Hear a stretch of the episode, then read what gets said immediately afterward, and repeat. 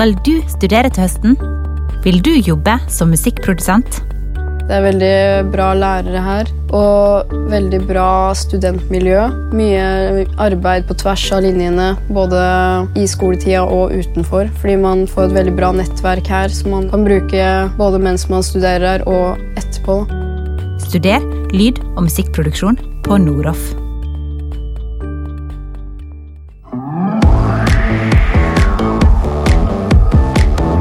Hei, mitt navn er Ole Henrik Antonsen, og du hører på episode nummer 13 av Bak spakene, podkasten om produsenter, teknikere og låtskrivere. Denne gangen er Thomas Eriksen gjest. Til tross for at han bare er midt i 30-årene, så har han vært med i toppen av både norsk og internasjonal musikkbransje i snart 20 år. Når dette legges ut, så sitter han på flyet til LA med enveisbillett, og alt det skal du straks få høre mer om. Men først. Bak spakene har en ny samarbeidspartner som heter Platearbeiderforeningen. Det er en interesseorganisasjon for musikkprodusenter og studioteknikere, som bl.a. holder workshops og seminarer. Det kan være med internasjonale toppnavn som Greg Wells, Sylvia Messi og Andrew Sheps, men de lager også andre typer seminar. Et av dem kalles The Business. Det er et panel bestående av en studioprodusent, en musikkforlegger, en musikkadvokat, en fra Tono og en fra Gramo. Og dette panelet reiser rundt og diskuterer viktige spørsmål for de som skaper og produserer musikk. Hvis det er noe du lurer på som har med musikkproduksjon å gjøre, så får du svaret der. The Business har vært rundt om i hele Norge og dukker stadig opp på nye steder, så ikke gå glipp av det her hvis The Business dukker opp der du bor. Det er bare én av mange gode grunner til å melde seg inn i Platearbeiderforeningen, og du finner flere ved å gå til platearbeiderforeningen.no. Og så har Bakspakene sin gode samarbeidspartner Benum noen ord de vil ha sagt før vi går i gang.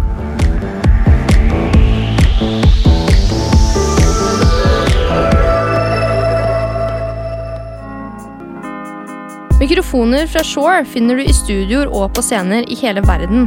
Men Shore er mye mer enn SM57 og SM58. Headset og ørepropper, ribbon og kondensatormikrofoner, in-air og trådløst.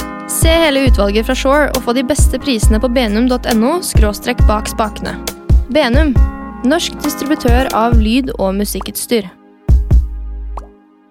Thomas Eriksen, velkommen tilbake spakene. Du, hei sann, tusen takk. Veldig hyggelig at du kunne ta turen. Ja, Veldig hyggelig å bli spurt, altså. Ja, det skulle bare mangle. Ja, ja. Vi må starte nå, for nå har vi sittet og snakka ganske lenge og brukt opp Ja, vi har mange- faktisk gått gjennom veldig mye, nå. ja, vi har det. Hæ? Har vi noe gjelder Ja, vi må, vi må repetere. Ja. Du, um, i dag så er vi i, uh, ikke i ditt studio, for du har ikke noe studio Nei, eh, lenger. jeg har ikke noe studio. Nei, du er på tur til Statene, rett og slett. Ja, jeg er litt i sånn flytte... Det er sånn overgangsfase nå. Jeg har liksom reist mye frem og tilbake der, eh, mellom Los Angeles og, og her i Oslo, så mm, Så har jeg bare kommet frem til at liksom Det gir mer mening å være der en eh, lengre periode. Ja. Jeg har ikke kjempemye sessions her. Jeg jobber ikke veldig mye med liksom, lokale ting lenger. Og det er fordi jeg blir tilsendt så mye og jobber så tett med de der borte. For du har publishingavtale i LA. Ja, det er signert til APG, så de er veldig flinke til å holde deg eh, opptatt. Ja. Så, så, så det har bare blitt til at det er en fulltidsjobb, på en måte. Så reiser jeg da over og gjør sessions der borte. Så for meg så har det bare blitt en litt sånn der, eh, naturlig tanke at eh, jeg burde egentlig være der fordi det gir mening. Eh, hvis ikke jeg gjør så mye sessions her, så, burde jeg, så kan jeg like så godt sitte der borte. Og der er det litt varmere også, så det gjør jo ikke noe, det heller. Det høres uh, Vi er litt forkjølt begge to i dag. Ja. Det hadde vi ikke vært hvis vi var i LA nå. Da, da hadde vi vært Nei. på Sunset og Nei, men ja, altså det er jo det er, det er ikke noe sånn at jeg er så voldsomt glad i den byen der. Men det, det er, det er jo mye å gjøre, da. Og det er gøy. Så teste det eh, litt. Så det får vi se åssen det går. mm. Være der et år eller noe sånt. Så. Ja, er det som er perspektivet, eller Ja, litt, det er litt det som er perspektivet. T- Altså ett år. Ja. Gi et forsøk. Være der, og så se hva som skjer. Spennende. Ja, så det, det blir litt spennende, altså. Ja. Så da har ikke jeg noe studio om dagen. Jeg har solgt litt utstyr og Ja, ja, ja. gjort meg klar til å være litt mer eh, hva skal man si, nedstrippa versjon av meg sjæl. Ja. Det blir litt vanskelig å dra med alt. Ja det er Så, så ja. Så jeg sitter hjemme og har liksom høyttalerne mine satt opp i stua og, og et par syntere og sånn, men eh, det er litt mindre enn vanlig. Mm. Mm. Vi skal eh, komme litt eh, tilbake til studio Mm. etter hvert, eh, og stæsj, selvsagt. Men eh, jeg Mm. tenkte vi kunne jo eh, Vi kunne liksom starte et sted. Og jeg Mm. tror første gang jeg møtte deg, da var du veldig ung. Eh, Ja. Jeg følte vel at jeg sjøl var ganske ung eh, da, men, Ja, men det, det, var altså eh, broren din, David Eriksen, i Mm. Studio 1 Ja. eh, for nesten 20 år siden, tror jeg. Nedregate 5 tvers overfor blå. Ja, ja, ja. Satt jeg og sover og gleda meg til den dagen jeg kunne stikke over og ta meg en øl. Der, ja, ikke sant? ja, det var enda en stund igjen til det da. Ja, ja, ja. Men du, var, du kom veldig sånn tidlig inn i uh, musikkproduksjon på et høyt nivå. Ja, um, jeg gjorde jo naturligvis det. Altså, David var jo ganske etablert da, ja, eh, på den gæren. tiden der. Ja. Og det er han jo for så vidt til den dag i dag. Det er bare at eh, han ikke gjør så veldig mye musikk lenger sjøl. Fordi nå tror jeg veldig mange liksom hører David Eriksen og tenker manager. Eh, eller plateselskap eh, eh, drifter. Ja. Eh, men, eh, men han var, eh, han var en liten bauta han på 90-tallet med, med popmusikk i Norge og, og mekka noen hits og, og David på. var en uh, foregangs... Han var en eh, Jeg som er litt eldre enn deg, kan da være belærende å si at Ja. han, var, han var jo en veldig Han var min store helt på 90 Altså, han, Ja. tok jo ting til et helt annet nivå, da, Ja. enn det hadde vært eh, i musikkproduksjon. Og fikk ja. mye mer sånn internasjonal schwung. Ja. Og, og Veldig unorsk, så vidt Veldig- jeg kunne, kunne huske. da altså, Han var jo min helt også. ikke sant? Må, altså, det er jo det, det som, eh, det som er, var 16 år mellom oss. Ja, ikke sant?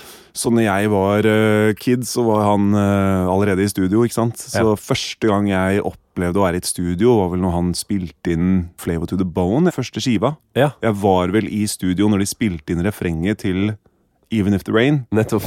Eh, hvor da jeg husker veldig tydelig og godt at eh, Da kan ikke jeg ha vært mer enn ni år, tror jeg. Åtte eller ni år, eller noe sånt. Ja. Og da eh, husker jeg Ole Evenrud eh, har hørt hele låta etter at han spilte den inn også, og så bare sa ja, Nei, jeg tror nok dessverre dette er en hit. Det husker jeg så tydelig at han sa. Eh, og, og, og det trodde jeg på, og det ble det jo også for så vidt. Altså, jeg var jo dritstolt ikke sant, så når den var ute og gikk og Ja, tusla på radio og nummer én. Jeg tror den kanskje var nummer én. Det tror jeg den var. Ja. Jeg husker ikke akkurat det. Men jeg var i hvert fall veldig stolt. Og det var broderen som hadde mekka. Og hver gang jeg var i studio hos broderen, så fikk jeg liksom en ny CD-singel. Med en ny låt som skulle komme ut som han hadde gjort. ja, ikke sant? Det var liksom Flavor to the Bone, Baba Nation og liksom Grete Sivertsen. Nei, Ja, nei, Grete Svendsen. Grete Svendsen. Ja. Og så er det Toril Sivertsen. Toril Sivertsen. Ja, ja, ja, ja. Han gjorde jo dritmye greier. Så jeg, jeg fikk jo veldig tidlig sånn Mm. adgang og liksom eh, eh, Sett veldig tidlig hva som foregikk bak, da. Mm. Og det var nok eh, en veldig stor grunn til at jeg starta veldig tidlig også. Mm. Men så også selvfølgelig at jeg hadde en bror som var etablert. Så han um, ga meg jo mulighet litt tidligere enn det, det, det som kanskje var vanlig på den tiden der. Altså nå så er det ikke så veldig unormalt at en 15-16-åring sitter og lager musikk. Men på den tiden her så var det ikke like, like Nei. vanlig. For det var ikke så tilgjengelig, ikke sant? Det var ikke det. Det var litt større filter som man måtte gå gjennom. på Ja. en måte. På godt og vondt. På godt og vondt. ja. For da, da jeg møtte deg første gang, så var jo da Da var David i gang med en internasjonal karriere og hadde signa på med Merlin i Sverige, Merlin som, var, som var liksom skikkelig svært. Ja, det var ganske, det var Ja. ganske hett på den tiden her. Ja. Det var liksom Britney og J.Lo og Ja, det var hele eh, Westlife og Ja. masse Jeg husker ikke alt, altså. Christina Milian Nei, Ja. de, de holdt jo på De var jo, de var jo ute i verden. Ja. Jobba med de svære tingene. Så da ble David med i det, og automatisk fikk litt sånn Plutselig så var det liksom artister, sånn nysigninger fra England ikke sant? Eh, og, og USA for den saks skyld, som var i studio og drev og gikk rundt i gangene der. Ja. Så det ble jo også litt sånn naturlig etter hvert òg, da. Plutselig så var liksom S Club 7 og Rachel Stevens var der, liksom. Eh, Og der var du. og der gikk jeg rundt og tusla, da. Og hadde vært så heldig å liksom få lov til å bruke et av studioene der. For å spole litt tilbake igjen, så etter Flavor to the Bone, den norske greia, og han begynte med det internasjonale, så gjorde han jo, så gjorde han jo en investering og gikk inn i Studio 1, da. Gamle Studio 1 i Nedregate. Ja. Og der lagde han et slags sånn kompleks, altså med flere rom. Jeg tror det var fire studioer. Ja. Så var det et svært opptaksrom. Da begynte han en slags sånn norsk eh, Merlin-avdeling, da. Ja. Så da signa han produsenter til svenske Merlin, men drev den norske avdelingen. Så der var liksom jeg og Hitters, sa, Ja. Hitters Seon, som har gjort masse Madcon-greier, og sånn, satt der. Og Håvid Engmark satt der. Eh, Thomas Wøni satt der. Sondre Pettersen. Kim Ofstad og Jonny Sjo Ja, på et tidspunkt. satt der. Ja, så vi var liksom vi var Det var mange som var innom. vi var, det var mange som Ja, var innom der. ja. Og var um, enda flere låtskrivere og liksom, du vet, plateselskaper som kom over. Og, Mm. Så man ble liksom, på grunn av David siden sånn at han kom litt inn i den internasjonale Merlin-greia, så ble automatisk alle andre det også. Litt sånn, Det var jo det som var Målet var jo å jobbe med Britney, ikke sant? Ja, ja, ja. så det ble litt sånn annen mentalitet. Så det, det fikk med seg veldig mye gøy, og ja, man så ting litt større, på en måte. Jeg tror det var veldig viktig i forhold til hvis du ser den generasjonen som var før, der man kanskje lista lå et helt annet sted. Eh, og, og folk var kjempeflinke og alt det der, men, men det er likevel noe med når du sier når målet er Britney, så, Ja. så, så oppfører det litt annerledes enn hvis målet er å For det er jo også ei tid der der det f.eks. Urban Acts var umulig å få signa i Norge. Ja. Ja, ja, ja. Eh, Funka ikke, liksom. Nei, ikke sant. Så, sånn at det var liksom en, en, en helt annen musikkvirkelighet her på berget, og det var eh, Norske Gram var nesten det største plateselskapet Mm. ut 90-tallet, sånt med, Mm. med helt annen type repertoar, da. Ja. Så, så det gjorde nok at man fikk en en helt annen skole, som vi har nytt godt av Ja. uh, i årene etterpå. Ja da. Altså, jeg var litt for ung til å forstå så veldig mye. Jeg hadde ikke så mye erfaring. Jeg visste liksom ikke helt hva som var det normale, eller noe sånt. Eller hva som var andre studioer holdt på med, eller noe sånt. Jeg tror på den tiden så var Pass It holdt på en del da. Ja, ja de var i gang. XS og Ja, liksom sånn. ja. Så, det, så det, det var jeg klar over. Og, og, men jeg er veldig glad for den erfaringen der. Det gjorde også at jeg veldig tidlig skjønte at jeg er ikke flink nok enda. Eller når du sitter da inne i et lite rom og så lager du noe greier, og så syns du det er kult, og så er du da 15-16 år. Så kommer det da dagen etterpå så kommer det besøk fra mm, Sverige. Pelle Lidell, som var A&R eh, der borte Ja. og spilte opp ny, de nye låtene fra eh, Bagge og Arntor og Bloodshy, liksom. Ja. Uh, så jeg hørte jo eh, From AM to PM, eh, Christina Ja. Milian, hørte jeg lenge før den kom ut. Så spilte den opp det, da, som liksom var den nye greiene. Så satt jeg da og gikk tilbake igjen inn i rommet mitt og hørte på det jeg hadde nettopp lagd. Så Mm. var det litt sånn Det her er ikke bra nok. Nei. Og ikke minst også det at man hadde den tilgangen til at jeg kunne For jeg ble da også signa der. Um, for jeg var, fikk liksom være med på et par låter via David og, og et par stykker andre der hvor jeg liksom bidro litt og sånn, så jeg ble signert til publishing på Merlin, da. Men så Det jeg fikk tilgang til, var kritikk Mm. for første gang. Og det var ganske tidlig. Så Mm. det er ganske tidlig man da får tilbake at eh, Hei, dette er ikke bra nok. Motiverte det, eller ble det Jeg har jo veldig konkurranseinstinkt. Ja. Du skulle bare sett meg spille Fifa. Altså um, Nei, det, det ehm, Det der er jo liksom Nå begynner vi å snakke om psykologi og sånt, da. For at det, altså De var jo aldri så krasse at de ødela meg. Nei. Um, eller så, så liksom direkte at det var 'dette er dårlig'. Um, det var mer sånn 'hør på den her'. Dette er det som skjer nå. Og på en måte speila litt det jeg holdt på med, mot andre ting som eh, gjorde det bra, og som liksom var spennende, og oppfordra meg til å tenke utenfor boksen. Det var veldig Merlin-tankegang, da. Mm. Tenk annerledes. Veldig sånn Apple, ikke sant? Mm. Hvis du hører på Toxic med Britney, og sånn, så har det ikke eksistert et annet track som det i ettertid, før eller etter, liksom. Nei. Veldig originalt og veldig sånn står for seg sjæl. Mm. Og det var en kjempe sånn Det snakka de alltid om. Ikke, ikke selv sant til Sahara, sa de, husker jeg. Mm. Det var en sånn veldig sånn inspirasjonstale hvor det var sånn der Vi, vi skal ikke selge sand til Sahara. Du skal ikke lage det som fins, liksom. Men hør på dette her. Dette her driver Bloodshy med nå, liksom. Helt annerledes og høres ikke ut som noe annet. Og, så veldig sånn informativt og inspirerende. Og var ikke sånn at eh, De sa ikke De var ikke ja-folk. Nei.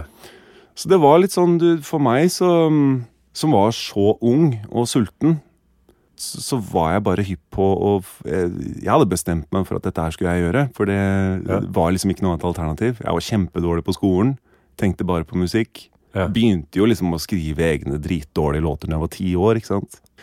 Det var bare en sånn Dette her er det jeg skal. Så jeg må bare finne ut hvordan jeg kan grave dypt nok i mitt kreative sinn og gå forbi alle de derre hva jeg tror er kult, eller hva min oppfatning av ting er, og heller finne ut hvem er jeg. Mm. Og hva er det jeg kan gjøre som er helt annerledes enn alle andre? Det var en sånn ganske sånn tidlig tanke som ble planta inn da, Mm. fra de. Som jeg tror liksom alltid har vært der litt. Ja, du kom jo ganske tidlig i gang med å være med på ting som du sier, og du også remix, eh, Mm. som jo var en business på den tida der. Ja, er du gæren? Det var Ja. ja. På store ting. Ja. Det var litt sånn faktisk eh, Det henger litt i tråd med Merlin, det der, der faktisk. Fordi det som, eh, det som skjedde da, var eh, at av de oppfordringene og de inspirasjonstalen til Merlin og sånn, så begynte jeg virkelig å liksom Ok, jeg skal ikke være David Eriksens lillebror, jeg skal være Thomas Eriksen, liksom. Ja. Det ble veldig sånn ok, identitetskrise, sånn, holdt jeg på å si. Det var sånn ok, hvem er jeg? Musikalsk, hvem er jeg, liksom? Ja. Begynte å utforske det veldig, da. Så da begynte jeg å gjøre noen veldig rare ting. Jeg husker det var liksom helt merkelig. Det var noen moduleringer og, og kjempeinspirert av Neptunes og Timbaland. Ja, ikke ja, for de var- Ja, ja, de var kjempesvære på den tiden her. Så Ja, For du var ganske urban. ja, Ja. jeg begynte ganske, begynte ganske urban. Jeg begynte vel egentlig helt på den andre siden. Altså det vil si, når jeg først begynte, så var det gitar og langt hår og flanellskjorter og sånne ting som det, men så liksom oppdaga jeg, oppdaget jeg eh, urban etter hvert, da. Ja. Men ja, så da, da, da, da var liksom de heltene, og det var veldig sånn ah, de, de så, velger så rare lyder, og det er så enkelt, og liksom Mm. Så jeg var veldig inspirert av de greiene der. Og da begynte jeg å choppe opp masse sånne asiatiske samples og sånn. Hæ? Og det var kjemperare greier. Men det digga de, husker jeg. Det var sånn Det var liksom kick og skarp på én, to, tre, fire i 100 BPM, liksom. Og basically liksom én litt sånn transete såbass. Øh? Litt sånn Timbaland, uh. Neptunes-aktig greie. Men så choppa jeg opp asiatiske samples over det. Med litt sånn der, Spredte de utover midi-brettet, liksom. Var det noen sånne Akai-samples eller noe sånt. Ja. Og så satt jeg bare og klimpra på sånne, sånne ting. Ja. Uh, og da, da fikk jeg veldig mye oppmerksomhet fra Merlin plutselig. Digga det som bare det, og syntes det var kjemperart og spennende. Ja. Faktisk Et kjempegodt minne jeg har, var at vi var på julebord på Merlin i Sverige. Da var Anders og Bagge og Bloodshy og Vant var der, og alle sammen satt der. Og sånn, og så på scenen så sto Pelle Lidell og så bare sånn Thomas Eriksen, han gjør la, la, mekker noe jettemerkelige greier om det. Det er jettebra. Skitfett. Liksom bare ga meg en liten shout-out fra scenen. Ja, ja, Og da husker jeg bare Å, så jævlig fett, liksom. Ja. Og så, eh, i det der der, så spilte han opp da et av de tracksene der for et plateselskap i England eh, som het Independiente. De hadde jeg tror de hadde Travis, ja. Travis og så et par andre litt mer sånn urban-greier. Og, og sånn, Så de hadde liksom noen acts som gjorde det ganske bra. De hadde liksom et par greier, Men de hadde lyst til å signe meg som en slags sånn herre undergrunns eh, urban uh, produsentartist. Så da gjorde jeg det. Signa jeg platekontrakt, da. Ja. Og da var jeg vel 19 år, tror jeg. Ja. Så, så da var planen Da skulle jeg gi ut en tolvtommer med seks instrumentaler. Ja. Ikke noe vokal. Bare rare beats, liksom. Hva, hva het, het du Thomas Eriksen Det kom aldri så langt. Ass. Det skulle være Thomas Eriksen, tror jeg. Jeg vet ikke. Men, eh, og da, men da begynte de liksom å fly meg over til England for å ha sessions med liksom typ sånn Martina Topley Bird og sånn, som var en ganske sånn eh, etablert artist der. Ja. Um, jobber med et par andre også, som ikke jeg helt husker navnet på nå. Men via de, da, så hadde de hadde distribusjon på Alia Ja. i Europa. Så de hadde da fått i oppdrag av å, at to stykker skulle remixe liksom den aller siste singelen hennes. Eh, Jeg tror hun døde.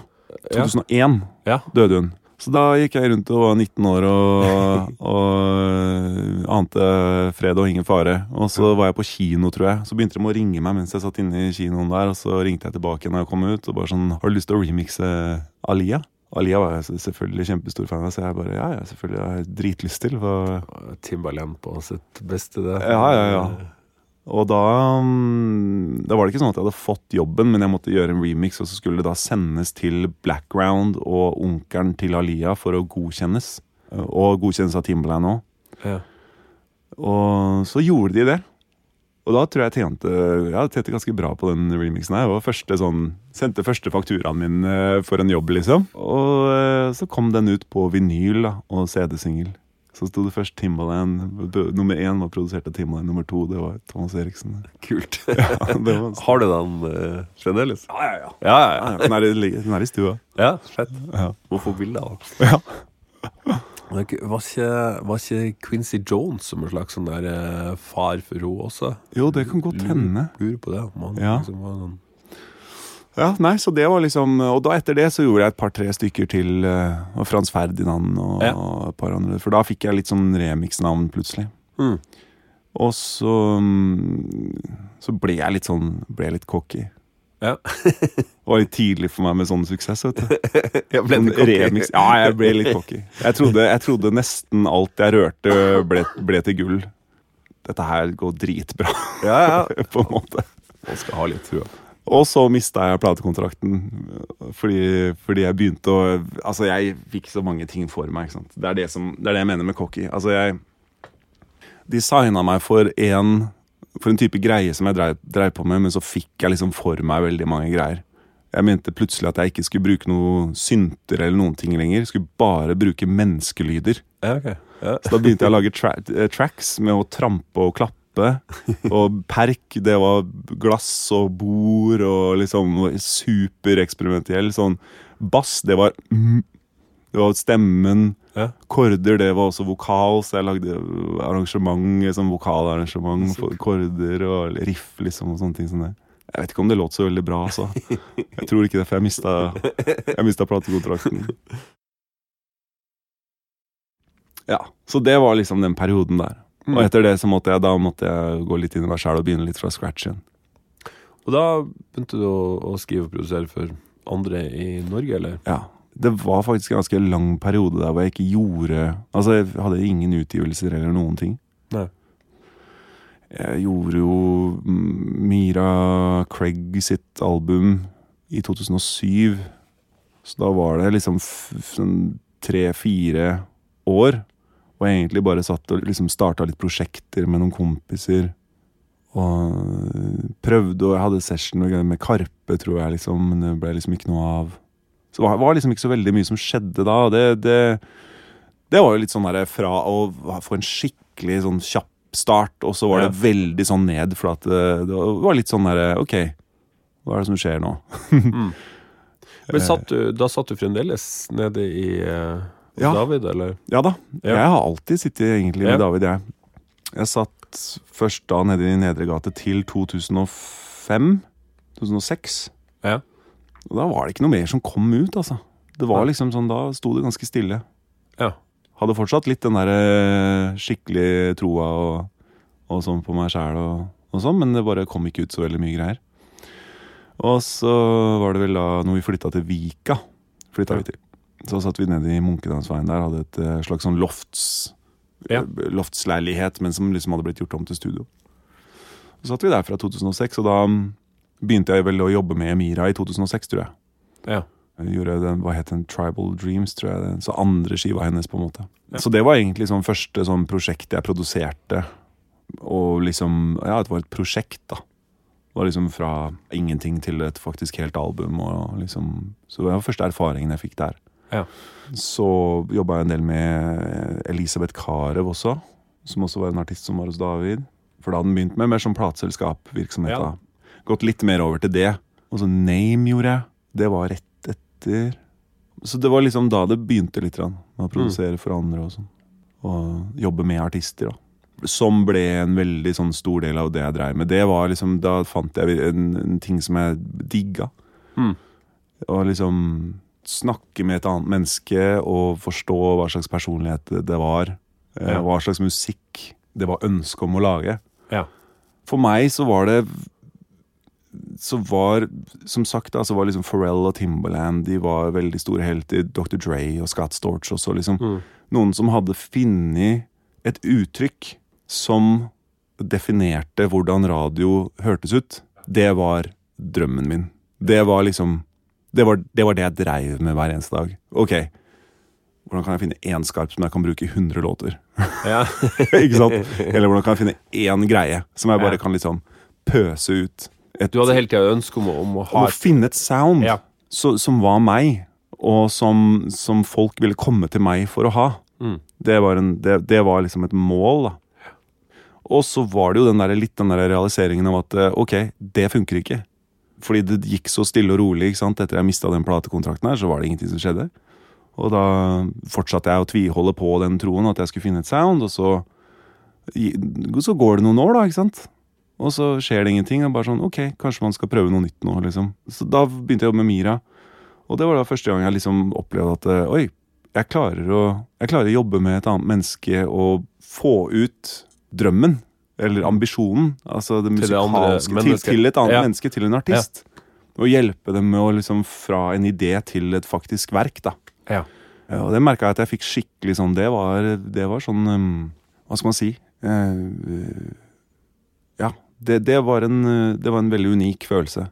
Mm. Deilig og fint. Og gøy og inspirerende. Så da jeg liksom var ferdig med å da jobbe med Mira, så gikk jeg rett over til å jobbe på Name sitt album. Og det syns jeg var kjempegøy. ikke sant? Det er jo, artister er jo som regel litt spesielle folk. ja. De skal Eh, helst hvert fall, de skal, Ja, de skal helst være det. Ja. Og når de er det, så er, så er det et eller annet der. Mm. Og da, for meg så var det veldig inspirerende og gøy å bare liksom dykke inn i liksom personlighet og musikalitet til noen og bare ok, dette er ok, det er det her du vil, ja. ok, la oss gjøre det der der, men at eh, så kan jeg bruke min mine referanser og min musikkforståelse og liksom eh, mitt preg, da. Blande det sammen. Det er jo noe med det at eh, selv om du tenker at du skal det må være med, og sånn, så tror jeg du, med den du er, putter inn ganske mye av deg sjøl Ja. åkke som. Ja, Eh, absolutt. Så, så det er jo Jeg vil jo si at du har hatt et veldig tydelig produsentpreg alltid. Ja. Um, Det kan hende. Og det mm, tipper jeg kanskje har fungert bedre med noen enn andre. At man liksom er bedre match med, med noen Ja enn man er med alle andre. Og det, Um, det har jeg også erfart. ikke sant? Å jobbe på et prosjekt og merke at dette her Ok, man har det ikke like gøy, eller man, man det er en eller annen sånn uoverensstemmelse på et eller annet, om det er liksom en eller annen estetikk i forhold til liksom hvordan ting skal høres ut, eller hvordan en kick skal høres ut. altså bare sånn men når, du liksom, men når det er en sånn der, en, en, et språk mellom hverandre hvor det bare flyter, Ja. det syns jeg er helt fantastisk. Ubeskrivelig følelse. det er det. Det er, ja. Men de her um, som du jobba med da, og Mm. for så vidt senere òg, altså, fantes det Var det sånn at um, musikken ble til sammen, eller, eller fantes det liksom låter som du produserte fra Nei, vi, da gjorde vi alt. Da starta vi, vi fra ingenting. Ja. Og så var det ok. Hva skal vi gjøre nå? Med Mira var det jo Hun er jo ganske sterk eh, sånn Ja. musikalsk, da. Ikke sant? Veldig sånn opera, R&B, hiphop-influert type greie. Litt sånn mye forskjellige type etnisitets... Altså, Ja. altså kultur, musikkulturinnflytelse, liksom. Ja. Eh, men liksom å blande, blande det inn med litt sånn organisk. og sånn. Så da var det alltid litt sånn ok, hva slags instrument kan vi liksom starte med? Liksom, og hvilken annen kultur kan man dykke litt inn i rent sånn musikalsk og gjøre noe gøy med? da? Eh, og sånn var det med Name også. Både den metoden å bare begynne å spille et eller annet. Finne en eller annen lyd som man syns var kul, og bare spille et eller annet. Og så bare sånn, Ja, det der er dritkult! Og så bare sånn, ah, ok, ja, kult! Og så er det bare sånn der, et, en samtale musikalsk, og så bare til slutt så bare sitter man der, og så, så har man et eller annet. Mm. Men med Name også så var det veldig mye sånn at jeg satt og lagde Jeg syntes det var så gøy å jobbe på at jeg lagde masse ideer når han ikke var der. Så hadde jeg liksom track-ideer, bare sånn du vet, fire takter med bare enten kordere eller tromme. Ja. Veldig sånn Prince-inspirerte 80-tallsgreier. Så det syns jeg var skikkelig gøy. Ja, sånn har det vel liksom alltid vært med de fleste prosjektene. Jeg føler liksom at det eneste hvor det kanskje ikke har vært så mye av akkurat det, er vel kanskje Sondre, tror jeg. Just da. Just da. Ja. Mm. Han er jo veldig sånn skriver låten sin selv. Ja, ok. Så da Så da kommer han i studio, og så sier han eh, Du, jeg har en ny låt. uh, liker du den her? Så begynner han å spille, Ja, det er dritbra. Ja. Ok, spill inn gitaren. Og så liksom jobbe litt derfra. Men som, som regel så har jeg vært med liksom å skape fra, fra scratch, da. Ja, for så ble det Lars Vaular, blant annet. Ja. Lars Vaular, ja. Det var jo virkelig takeoff. Ja. Ja, det var eh, Det var, eh, det var gøy, det. Altså, i mellomtiden, da, så, så mellom Name og, og Lars, så var det jo Så begynte jeg å jobbe litt med David. Begynte liksom å være litt hans assistent. Sånn Ja. studioassistent. At jeg liksom eh, lagde ideer og progga litt. Og så begynte vi å jobbe litt sammen. da. Det hadde Ja. vi aldri gjort før. Nei. Så da fikk vi litt låter eh, plassert i England og, og sånn. Så da var han fortsatt aktiv, på en måte. Litt sånn i overgangsfasen hvor han begynte å bli mer og mer manager, og sånn, men han fortsatt gjorde litt, da. Så jobba vi litt sammen, og så og så merka jeg liksom det at eh, nå er jeg jo ferdig med det prosjektet der. Det, det het The Saturdays, og det var sånn jenteband fra England. Det var med Ina Rolsen. Ja, stemmer. Det var med Ina Rolsen Det var liksom da hun ble låtskriver. Eh, Gikk fra å være artist og begynte å gjøre mer låtskriveri, da. Og da var det sånn at etter det prosjektet der, så tenkte jeg sånn Nå! Nå begynner det å funke, liksom. Mira, Name, Saturdays. Eh, nå begynner det å skje ting igjen. Dritbra. Men så merka jeg det at det sto fortsatt litt stille, at det ikke liksom hadde ikke forløst seg ennå. Og da tenkte jeg sånn, ok, jeg, jeg må slutte å vente på at folk skal komme til meg. Jeg må begynne å gjøre litt arbeid på det andre òg. Jeg må melde, jeg må, må ta tak i folk som jeg syns er flinke. Spørre om de har lyst til å jobbe, liksom. Så da sendte jeg ut en del mails og, sånn, og hadde en del sessions med forskjellige folk. Men det var liksom den kvelden jeg bestemte meg for at ok, jeg må begynne å sende ut. Jeg syns Lars Vaular er ganske flink, liksom. Samme nummer som i 99. Kjempefin låt, liksom. Så sendte jeg en Facebook-melding til han, for han hadde jeg møtt en gang før. Ja. Så bare sa jeg halla, hvis du har lyst til å ta en session neste gang du er i Oslo, så si ifra. Han sa ja, ok, dritkult. Det er jeg drithypp på. Tror jeg vi liksom møttes en uke etterpå og lagde én låt. Jeg lurer på om vi gjorde at Rett opp og ned var låt nummer to, jeg. Ja. Som vi gjorde. Så da var det første låta var dritkul. Da, da vi, begge to var kjempefans av Outcast. Ja, ja. Så det var der vi ble veldig sånn Ja, ja, ja. Outcast, Atlanta, Georgia, du veit. Dungeon Family og alle de der. Så da connecta vi veldig der. Og første låta vi gjorde, var veldig sånn nedpå, veldig sånn mid-soulete type vibe. Og så, så andre session vi hadde, så, så husker jeg at jeg, Lars skulle komme klokka tolv. Og så hadde jeg den ideen, da, altså track-ideen. Men jeg hadde ikke lagd noen idé på det. Og den, den, og den følte jeg var veldig vanskelig å forklare til noen. sånn, sånn Du, jeg har en idé. Hva liksom, hva hvis liksom en bass går sånn her? Tukka, tukka, tukka, tukka, tukka, liksom. Jeg hørte det liksom Jeg hørte det veldig tydelig. Og det der, der tror jeg kunne vært veldig kult. Og kanskje også med rap, liksom. Og så, så dro jeg i studio et kvarter før Lars kom. Og så visste jeg at jeg hadde noen sånne house kits Ja. i noen sånne sample-mapper inni, inni, inni Logic, da, som jeg jobber på da. Og så bare gjorde jeg det dritkjapt, og så visste jeg ikke Jeg hadde aldri gjort sånn elektronisk musikk før. Så jeg var litt sånn der, ok, hvilken synt bruker man til en sånn lyd som det der? Å ja, jeg har hørt om Vengeance. Ok, vi prøver den. Jeg hadde Vengeance, men jeg hadde ikke brukt den så mye. Nei. Eh, bare sånn, ah, ok, Prøv å skru litt til på, på, den der. Og så spilte jeg den inn. Så på et kvarter så lagde jeg liksom grunnideen. da ja. Den er der. Og så la jeg på en tung, tung, tung, tung, tung. Og så lagde jeg et parti til med Med bare det riffet, da. Og det var det jeg hadde. Så når Lars kom, så hadde jeg liksom den ideen klar. Ja. Og jeg, jeg husker så godt at han kom inn i det rommet der og så, og så kom han inn i rommet litt sånn dansende. Han kom litt sånn der, Jeg tror ikke han skjønte at det var en idé til han. Så Nei. han bare ja, Rave party! Ja, ja. Faen, det er fett, ja. Og ja. Nei, jeg tenkte det, det har vært fett å gjort et eller annet sånn her, liksom. Så han bare Det var en sånn skepsis i trynet hans som, jeg, som var så tydelig. Og var, jeg hadde tenkt å bare legge det fra meg med en gang. Jeg bare sånn, ja, men jeg tror det er en kul idé uansett om han liksom digger det eller ikke. Da kan, da kan vi save det, så kan vi bare lage et eller annet annet, liksom. Og så tror jeg jeg spilte den liksom i et par minutter, bare sånn den loopen der. Ja. Og så, og så sa han sånn Du, kan vi legge inn Jeg, jeg, jeg har akapellaen til eh, Solbriller på. Der, der er det et lite parti hvor, hvor det er sånn Hvor jeg sier rett opp og ned, hør hva jeg har, og kan vi sample med? liksom. Bare, det var verdens dårligste bergensdialekt, forresten. Men så, hva vi sampler meg, da? Var det var ideen hans. Jeg bare ja, ok, det var kanskje ikke akkurat det jeg så for meg. Jeg vet ikke helt hva jeg så for meg, men det var kanskje ikke akkurat det jeg så for meg. liksom. Og så begynte han å jobbe litt med det. da, begynte å sende til mikseren. sånn, Kan du sende macapellaen til eh, solbriller på? Og så satt jeg der og venta tenkte "Ja, et kult kul track, i hvert fall. liksom. Ja. og, så, og så fikk han det tilsendt. Og så putta vi det inn i prosjektet. måtte jeg finne BPM og alt mulig sånn. Og, så, og da var det litt verre enn en, det der.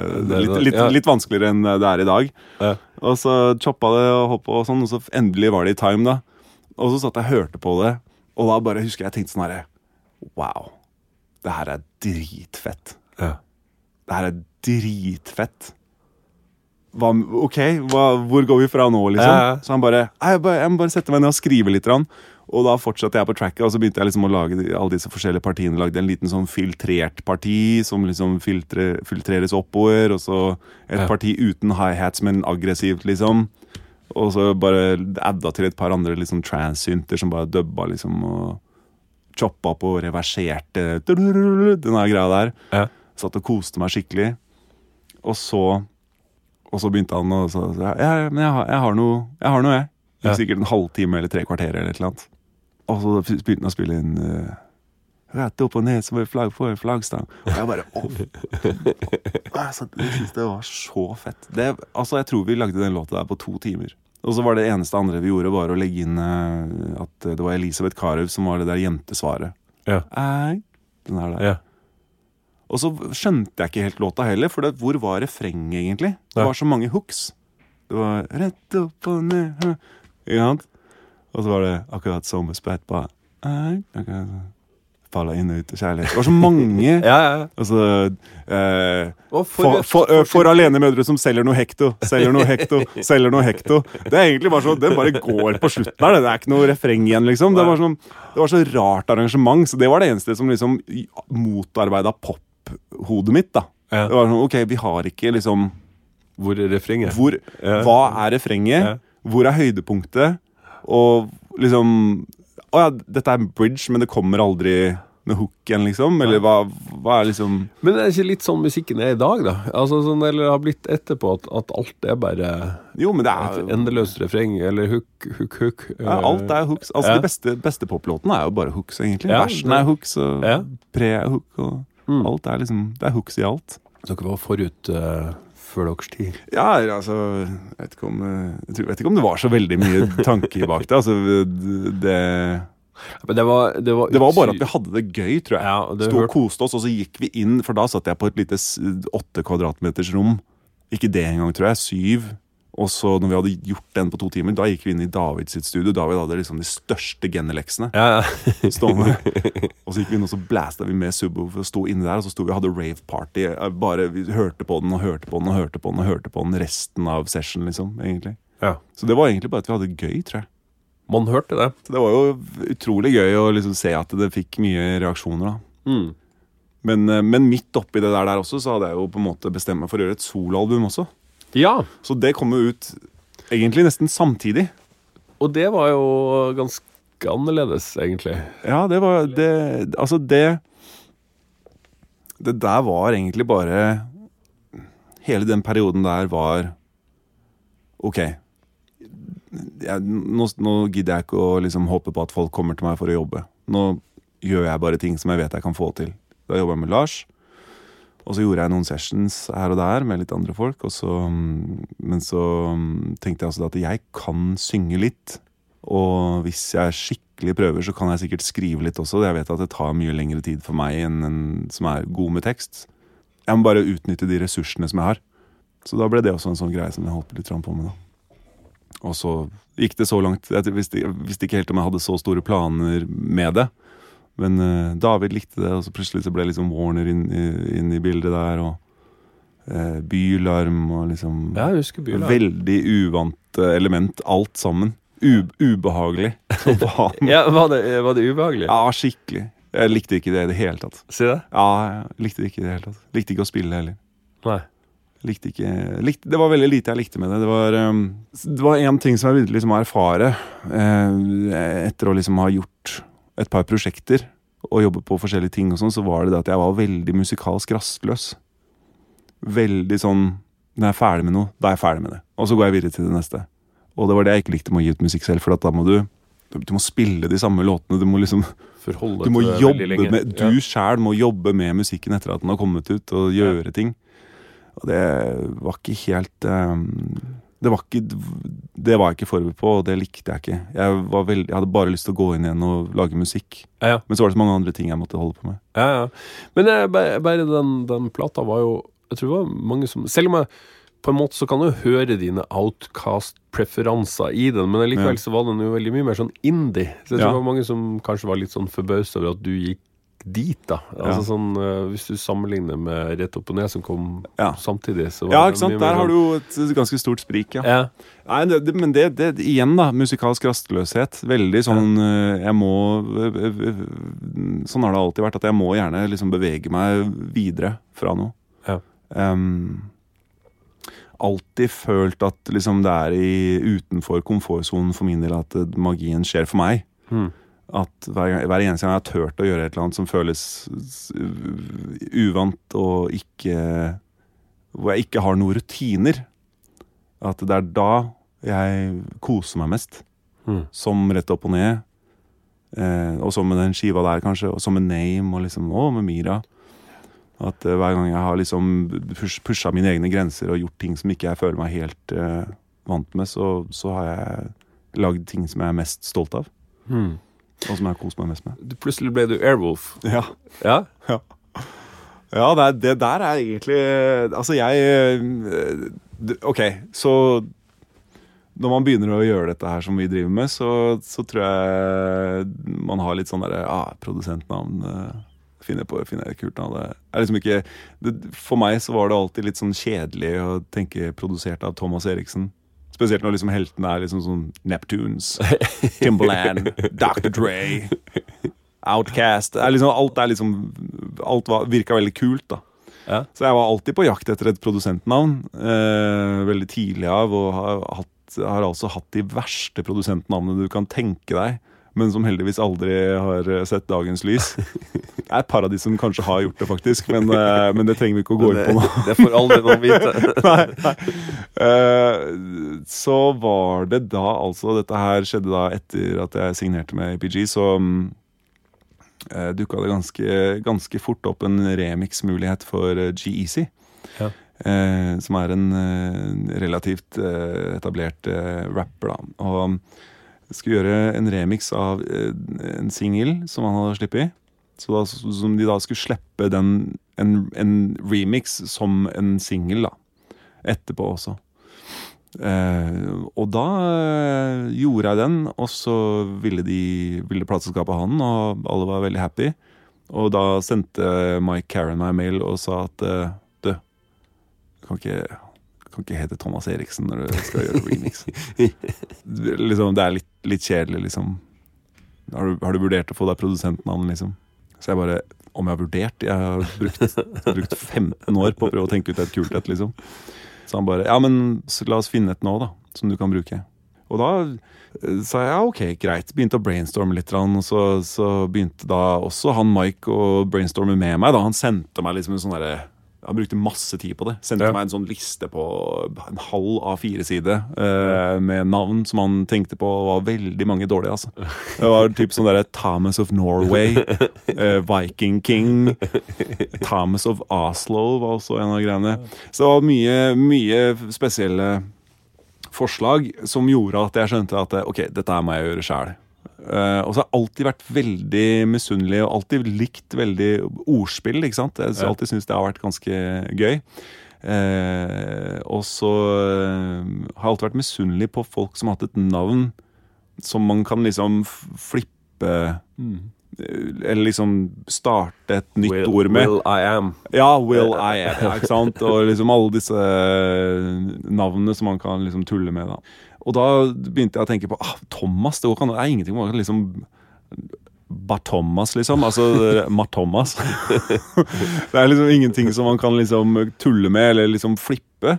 Jeg prøvde veldig hardt, og så skjønte jeg at det her går ikke. Og så, begynte jeg å tenke på ja, men ok, men hva med Eriksen, da? Air? Eriksen? Eriksen? Airy? Airy begynte, begynte jeg å skrive ned Skrive ned, da, så liksom bare brainstorma, så var det air. Så skjønte jeg ja, air, og så var det luft, ikke sant. Ok, det kan leke litt med det. Og med en gang jeg begynte med luft, da huska jeg på, på Eller jeg var innom liksom air, airworm og sånn. men så huska jeg når jeg begynte med luft, så huska jeg at det var et, et program på TV som jeg så på da jeg var liten, som gikk klokka fem eller noe sånt, etter A-Team. Det het Airwolf, altså A-I-R-W-O-L-F. Ja. Som var da et uh, veldig spesielt helikopter. Som uh, ja, var veldig kult og veldig tøft. Ja. Og fyren uh, som kjørte det helikopteret, han het Stringfellow Hawk. som er et av de kuleste navnene som fins i hele verden. Men så, så da kom jeg på Airwolf, TV-programmet, da jeg begynte å leke med det. Og så tenkte jeg men jeg kan ikke kalle det for Airwolf, det er jo TV-program. Ah, Airwolf, ja. Med E-A-R-W-U-L-F. Og da ble det til begynte jeg å kalle meg det etter det. Men jeg kaller meg det ikke på hver eneste ting. Det er Instagram-handlet mitt, og så bruker jeg det på et par, par ting. Og så bruker jeg Thomas Eriksen på noen ting. Altså. Kan variere litt. Varierer litt. da. Kunstnerisk frihet. Det kan vi like.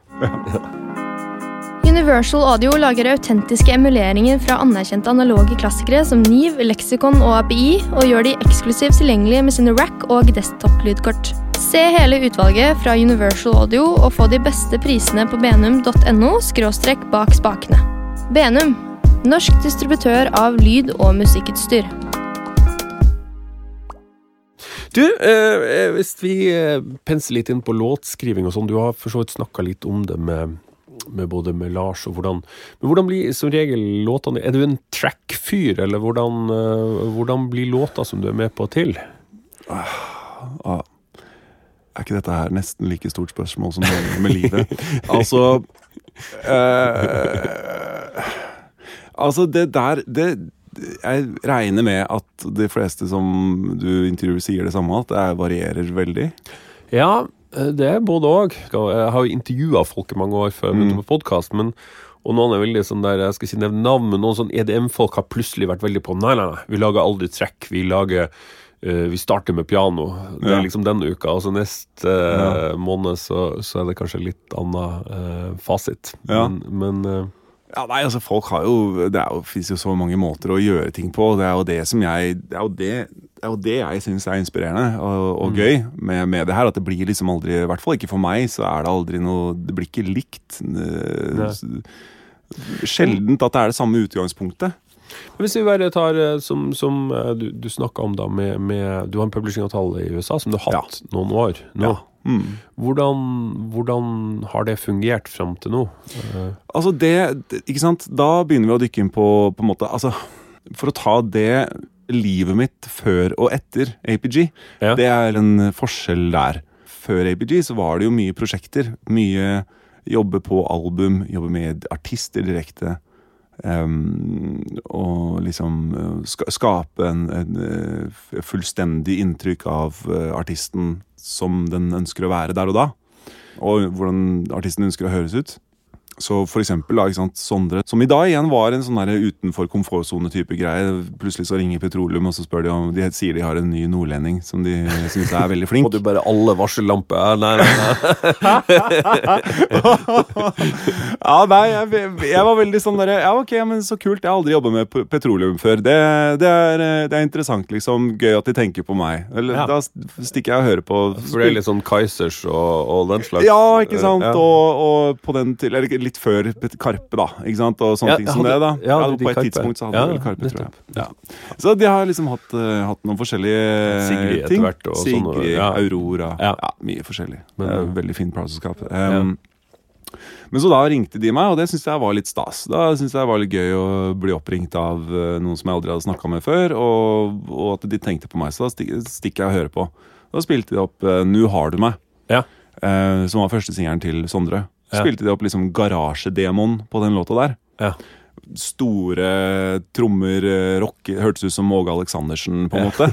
eh, den innspillingen der. Den nye Åge. Ja, den nye Åge. Bare at liksom bare at, å Sorry, Sondre, det var ikke meningen å disse. Det, var, det låt jo fint, men, men det var liksom ikke sånn som den låt til slutt, da. Ja.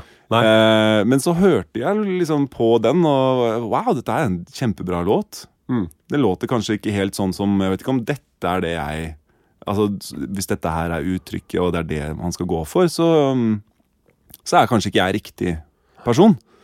Og så sa de nei, men vi vil at du skal gjøre akkurat hva du, hva du vil. Altså, hva, hva hører du? Vi er interessert i å liksom høre hva du hører, for da har de ikke hørt han som en innspillingsartist ennå, ikke sant? Nei. Da har de bare hørt låtene. Og sett han live et par ganger, tror jeg. Oppe i Mm. Bodø. Så da sendte de meg låta og liksom da de stemsene, ikke sant? altså filene. Og så begynte jeg å leke litt da med liksom, ok, hvordan kan han her høres ut, da? Og for meg så var han jo veldig sånn Var han jo på en måte Han hadde en veldig sånn Håkan-type eh, vibb over seg. Veldig, Hørtes veldig leken ut og kjempefine melodier og veldig sånn energisk, liksom. Mm. Så begynte jeg å jobbe med det, og da endte det opp med liksom at jeg gjorde nesten så å si hele albumet, da, utenom tre låter, tror jeg. Ja.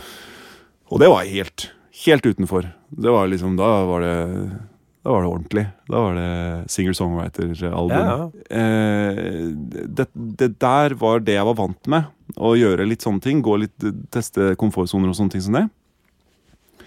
Og så ble jeg da signert til APG via noe helt annet, og det var via Nico Vince. Ja. For jeg jobba med Nico Vince. Og jobba en del i USA. Og David kjente en som jobba på APG, for han hadde møtt han på Bysongs, som var by, Bylarm arrangert eh, låtskrivercamp. Ja. Satte opp et møte med meg og han da i 15. 2015. Ja. Ja, Og da spilte jeg bare opp litt tracks og ting som jeg har gjort, og sånn, og så var det veldig god stemning. Og så endte jeg opp med å signere der, da, i 2016. Ja. Og da da ble det litt sånn annen type arbeidsmetode, for da skulle jeg lage tracks. Det var på en måte det jeg ble signert for. Ja. Så da ble jeg en track-fyr, ja. Oppgaven min, utfordringen min før jeg signa med dem, for de signa meg ikke på direkten, de, de, de ga meg en utfordring, så skulle liksom se åssen vi kunne jobbe sammen. da. Så da var utfordringen å lage ett track om dagen og sende dem. Og det gjorde jeg da Det gjorde jeg vel da i et halvt år Wow. lagde jeg ett track om dagen, pluss at de begynte å sende meg litt låter, så da lagde jeg liksom track-ideer, altså a da, ikke sant, som ikke hadde noe produksjon. Ja. Så lagde jeg da track på en låt. På en måte, så Du kan jo nesten se på det som remix. da. At du får en låt, og så skal ja, du gjøre hva du vil med det. Ja. Eller prøve å treffe et eller annet som den artisten, eller de ser for seg at den artisten skal gå, den retningen. da. Mm. Så det var eh, helt annen måte å jobbe på, helt annen måte å tenke på. Men som igjen var veldig gøy, for det var utenfor komfortsone. Ja. Det var en helt annen måte å jobbe på som jeg hadde gjort før. Utfordra meg og fikk tilbake en ganske ærlig og konkret og noen ganger brutale svar på at dette her er ikke så veldig kult. og Har du vært på noen klubb i det siste, liksom? Kanskje du burde stikke ut og høre hva som skjer på klubben. Og, og sånne ting som det, da. Så det var litt sånn der litt tilbake igjen til Merlin, da. Litt sånn ganske ærlig og, og inspirerende, eh, på en måte, alt sammen. Eh, fordi for folk som hører på og ikke vet hvem APG er, så er jo de et ganske stort indie-forlag i USA.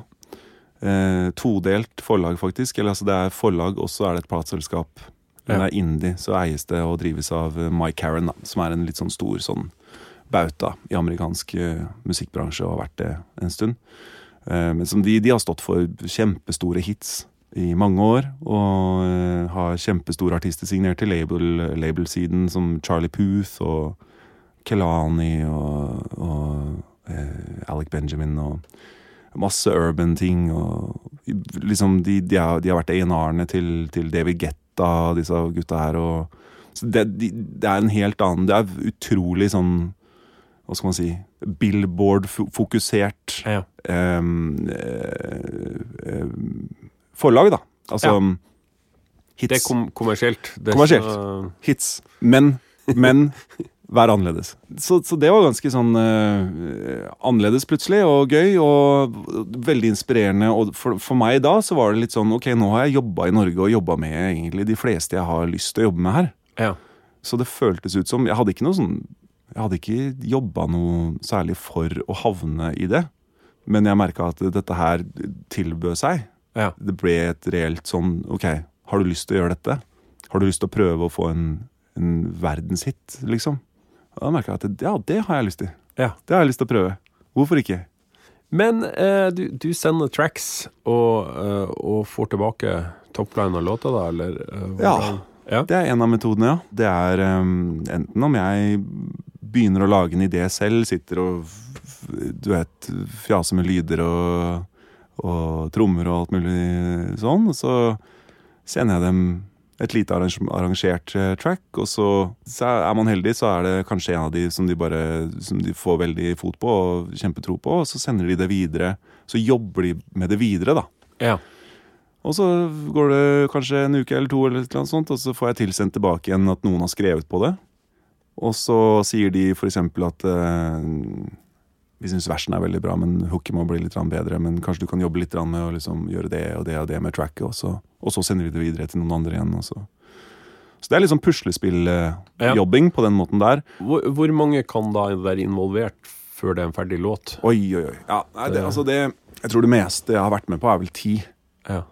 ti altså to produsenter, meg og en til, og åtte låtskrivere.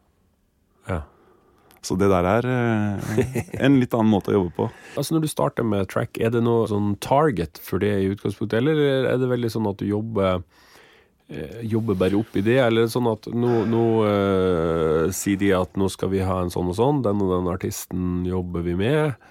Hvordan, hvordan er bestillinga, på en måte? Altså, det er jo ikke Ja, igjen. Det er litt forskjellig. De er jo alltid på, på jakt etter tracks. De ønsker jo alltid å ha tracks. Um, Fordi selv om de er et forlag, så driver de også et studio som er et Atlantic Studio. Så de sitter da på, i kontorer i andre etasje, og i første etasje så er det fire studioer. Som konstant Det er låtskrivere signert til APG, og utenfra låtskrivere også. Og produsenter. Mm. Som da fylles opp to ganger om dagen. Så det er dagtidssession, og så er det kveldstidssession. Så det der er en fabrikk på mest godt eh, som driver og går. Mm. Har de en session uten en produsent, så har de tracks som de kan gi til låtskrivere som sitter i en session. Ja. Um, selv om ofte låtskrivere av erfaring foretrekker veldig ofte å skrive bare på akkorder. Ja. Eh, piano eller Ja. gitar. Men så er det kanskje noen prosjekter som de har, eller som de vet om, og sier at eh, Jason Derulo elsker det tracket her. Hvis dere har lyst til å prøve å skrive en låt på denne her, så er det en veldig enkel plassering hos Jason Derulo hvis dere nailer den. Liksom. Apropos, du har hatt eh, en låt med han? Har Ja. Du, ja. Mm. Ja, det var den låta med ti. Ja. Men det igjen, og der har du litt den andre siden av måten de jobber på, da. Eh, det, det er jo liksom fire eh, arbeidsmetoder som jeg har erfart de gjør. Det er, eh, det er sikkert flere hvis jeg begynner å tenke meg om, men hovedsakelig, jeg lager et track, sender til de, de liker det, så prøver de å få noen til å skrive på det. Det er ikke alltid det eh, skjer det, for at det, som sagt, låtskriver foretrekker å skrive låter. eh, Og så er liksom produksjon egentlig sekundært. Altså, For en låtskriver å begynne å skrive på et track, så er du egentlig blitt fortalt hva slags låt dette er. Ja. Du mister jo den kreativiteten og friheten som du som regel har når du skal skrive en låt. Mm. Så, så, og det skjønner jeg. Ja. Eh, men noen ganger så skjer det fordi at folk Fordi det er så lett innpass til et eller annet prosjekt eller Mm. sånt. da. Eh, nummer to er da Jason Derulo-låta eh, hvor jeg da blir tilsendt en, en idé som noen har gjort. Den var basically Den var litt annerledes, men ikke sånn voldsomt langt unna sånn den endte opp med å låte. Litt tweaks her og der. Jeg, jeg er koprodusent, en, vi er to koprodusenter. da. En som har starta ideen, og så er det jeg som har fullført den. Så var det eh, en prosess da med at jeg fikk den ideen. Begynte å gjøre ting som de følte ikke var bra nok. Fiksa opp i det. Basslinje, refreng, produksjon, hvordan det låt.